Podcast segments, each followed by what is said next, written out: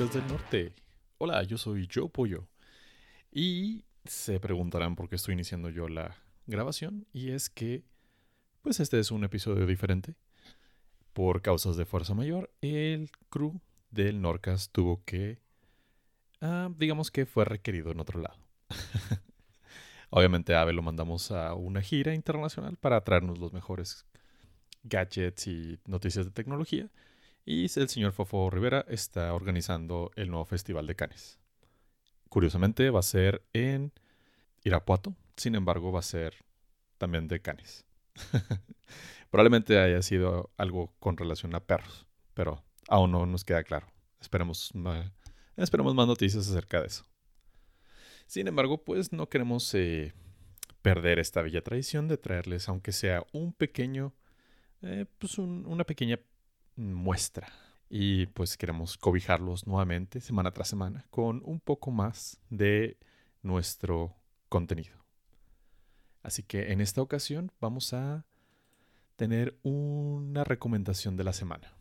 Como todas las semanas, el señor Fofo Rivera, por lo general, es el encargado de compartirles eh, su investigación periodística acerca de lo mejor de la semana. Y pues no queremos dejarlos eh, sin esa oportunidad. En esta semana pues nos dimos a la tarea de ver una película que se estrenó recientemente en Netflix, hace una semana aproximadamente, para cuando ustedes escuchen estos a principios del mes de enero. Y se trata de La Sociedad de la Nieve. Una película dirigida por el director Juan Antonio García Bayona, el cual eh, tiene varias, pues tiene varias joyitas dentro de su repertoire. Quizás la más conocida, bueno, en lo particular, se llama A Monster Call. Es una película ah, totalmente desgarradora. E, es una joya que si no han tenido oportunidad de verla, se la recomiendo ampliamente. Sin embargo, tienen que estar bien emocionalmente porque si te desmadre. ¿Para qué decimos mentiras? Eh, es una joyita, es una obra de arte del, del 2016. En el aveómetro tiene 7.4, eh, lo cual califica como un muy guachable. Para aquellos eh, amantes del terror, también es el director de El Orfanato. Ahí sí se las vengo debiendo porque, pues, honestamente no es algo que esté dentro de mi gusto, digámoslo de cierta manera. Así que no es algo que haya visto y muy probablemente nunca lo vea. Mm, en cuanto a películas de supervivencia e historias inspiradoras, también tiene la película de The Impossible. Esta es del año 2012 donde nos narra cómo una familia eh, sobrevive al tsunami que se generó en el sur asiático estelarizada por Naomi Watts y Ewan McGregor. E irónicamente, ahí vamos a ver el principio de un gran actor. Eh, bueno, de un actor que se llama Tom Holland. Ahí lo vamos a ver de niño. Esta película también está muy guachable. Y pues eh, a partir de ahí, el director español nos trae La Sociedad de la Nieve. El director adapta la novela de Pablo Bierchi y no lo hace solo, sino con ocho mm, diferentes personas, incluido a Bernat Villalpana, Jaime Marqués y Nicolás Casarciego. Cabe destacar que eh, Bayona tiene más de 14 años sin haber rodado en español y pues este fue el eh, proyecto que lo trajo nuevamente a su eh, lengua madre. En uno de los eventos más recordados del siglo XX, recogía al cineasta en la visita al rodaje, y no es para menos, una historia de tal calibre debía volver a ser llevada a la gran pantalla la experiencia tan dura e inigualable de aquellos sobrevivientes de aquel vuelo. Según dice la sinopsis de Vierchi, este es el libro definitivo sobre la historia más increíble jamás contada. Si fuera ficción, resultaría inverosímil. En el libro todos los supervivientes hablan por primera vez desde aquel accidente del avión, el cual se encontró alrededor de 20 años en los Andes, a 1400 metros de altura, y con 30 grados bajo cero, sin abrigo, sin comida. El escritor uruguayo acompañó a un grupo de sobrevivientes con sus hijos a la montaña. Cada uno de los 16 recuerda en primera persona cómo fueron los 72 días en la cordillera, cómo superaron esa situación extrema, cómo entendieron la muerte, qué significó el accidente y cómo influyó en su vida posterior. Bierchi, que fue un acompañado al Colegio de los Sobrevivientes, comenzó a escribir este libro en 1973.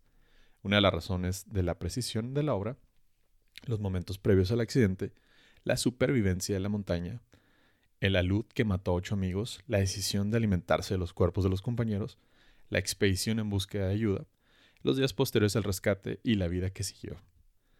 El accidente partió la vida de aquellos jóvenes. La novela reunió a los 16 con la perspectiva de tiempo transcurrido para que dejen su testimonio a la historia. A diferencia de la película eh, dirigida por Frank Marshall hace 30 años, el elenco que dirige Bayona no cuenta con tanta popularidad y la gran mayoría eh, son sus primeras eh, grandes producciones. La mayoría de los actores argentinos y uruguayos que vieron el estrellato, bueno, van a ver el estrellato por primera vez gracias a esta gran producción. Cabe destacar que esta película está siendo altamente galardonada. Esta película está considerada para la mejor película de nueva inglesa que llegará a los Oscars y muy probablemente tenga muchas esperanzas de ser la ganadora. También fue nominada a los Globos de Oro, sin embargo ahí no tuvo la... Sí tuvo la nominación, pero no tuvo el galardón. Otros premios que traen esta película ya en sus, en sus hombros eh, son los premios Goya. Y ahí sí, nominada a todo. todo, todo, todo. Eh, ganadora del Festival de San Sebastián 2023 como premio de público, cine europeo EFA. Y también estuvo nominada a los Critic Choice Award como mejor banda sonora, la cual sí está bien perrona. Y mejor película de nueva inglesa. Nuevamente, se está posicionando muy fuerte para contender como película de nueva inglesa para los premios Oscar.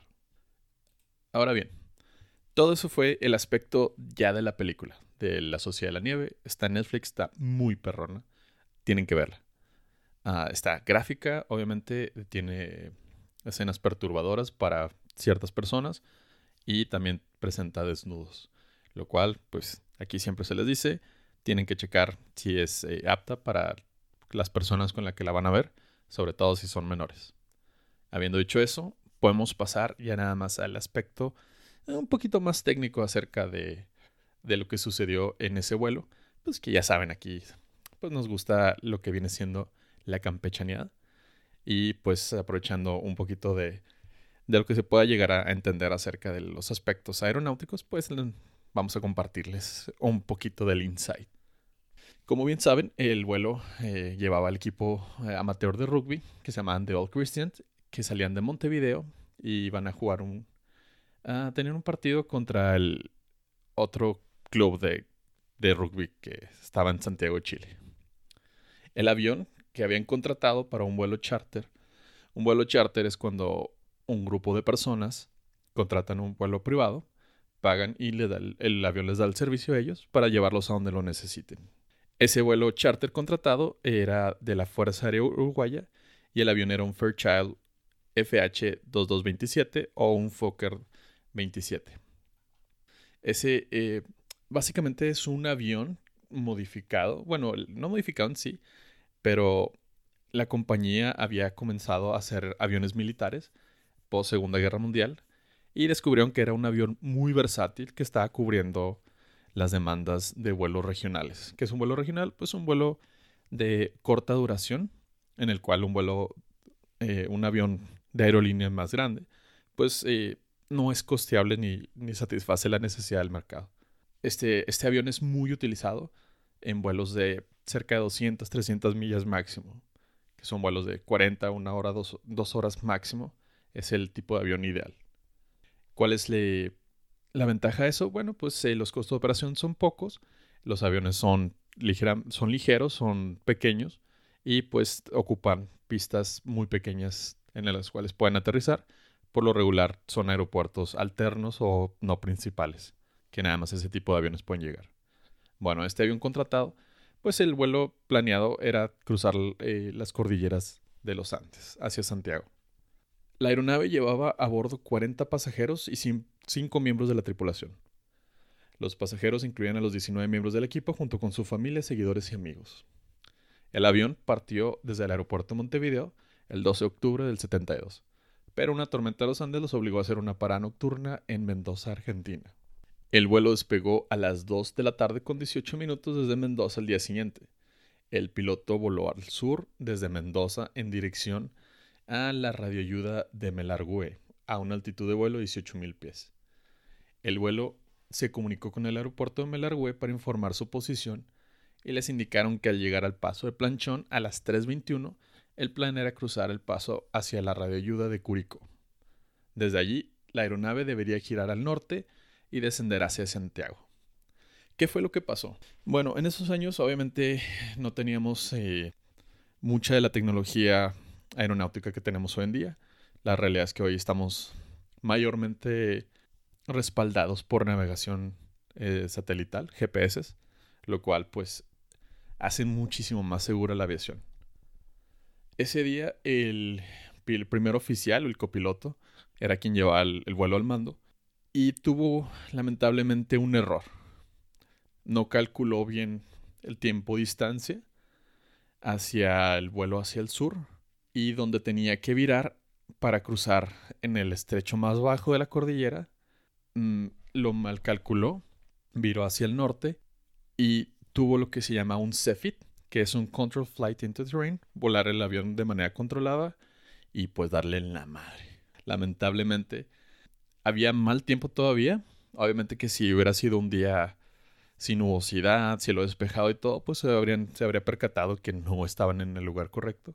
Sin embargo, al tener mal tiempo, pues estaban en condiciones de instrumentos y hubo una mala interpretación ah, de las eh, señales y radioayudas. Esto provocó que el avión virara hacia la montaña y comenzara su descenso dándole literalmente en la madre al avión. Voló a toda velocidad, donde pasó la cordillera, le destrozó las alas y perdió el, el empenaje, la cola. Después se provocó la caída del fuselaje, de lo que quedó el remanente, ah, en un descenso de 725 metros, según el cálculo, antes de golpear el, hielo y terminar el glacial, donde quedó, donde están los restos hoy en día del, del avión. A partir de ahí, pues ya se desarrolla el, una de las historias más sorprendentes de supervivencia, porque la verdad, o sea, lo impresionante de todo no solamente fue aguantar el madrazo, aguantar, eh, aguantar durante 72 días las temperaturas y la falta de, alimento y las emergencias médicas. Y pues eh, se organizó un equipo de rescate finalmente el 20 de diciembre y llegaron por ellos el 22 y 23, tres días después. A partir de ahí, lo demás es historia y lo pueden ver en La Sociedad de la Nieve, que se estrena en Netflix. Y pues con esto podemos eh, terminar este pequeño episodio diferente. Nada más no queríamos dejar la oportunidad de compartirles esta reseña, esta recomendación, esta no recomendación.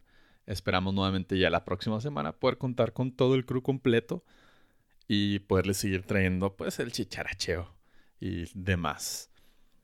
Esta fue todo por mi parte. De nombre del señor Ave Estrada y Fofo Rivera, les queremos dar las gracias por habernos acompañado nuevamente durante esta semana. Sin más que despedirnos, nos vemos en la siguiente ocasión. Adiós, adiós.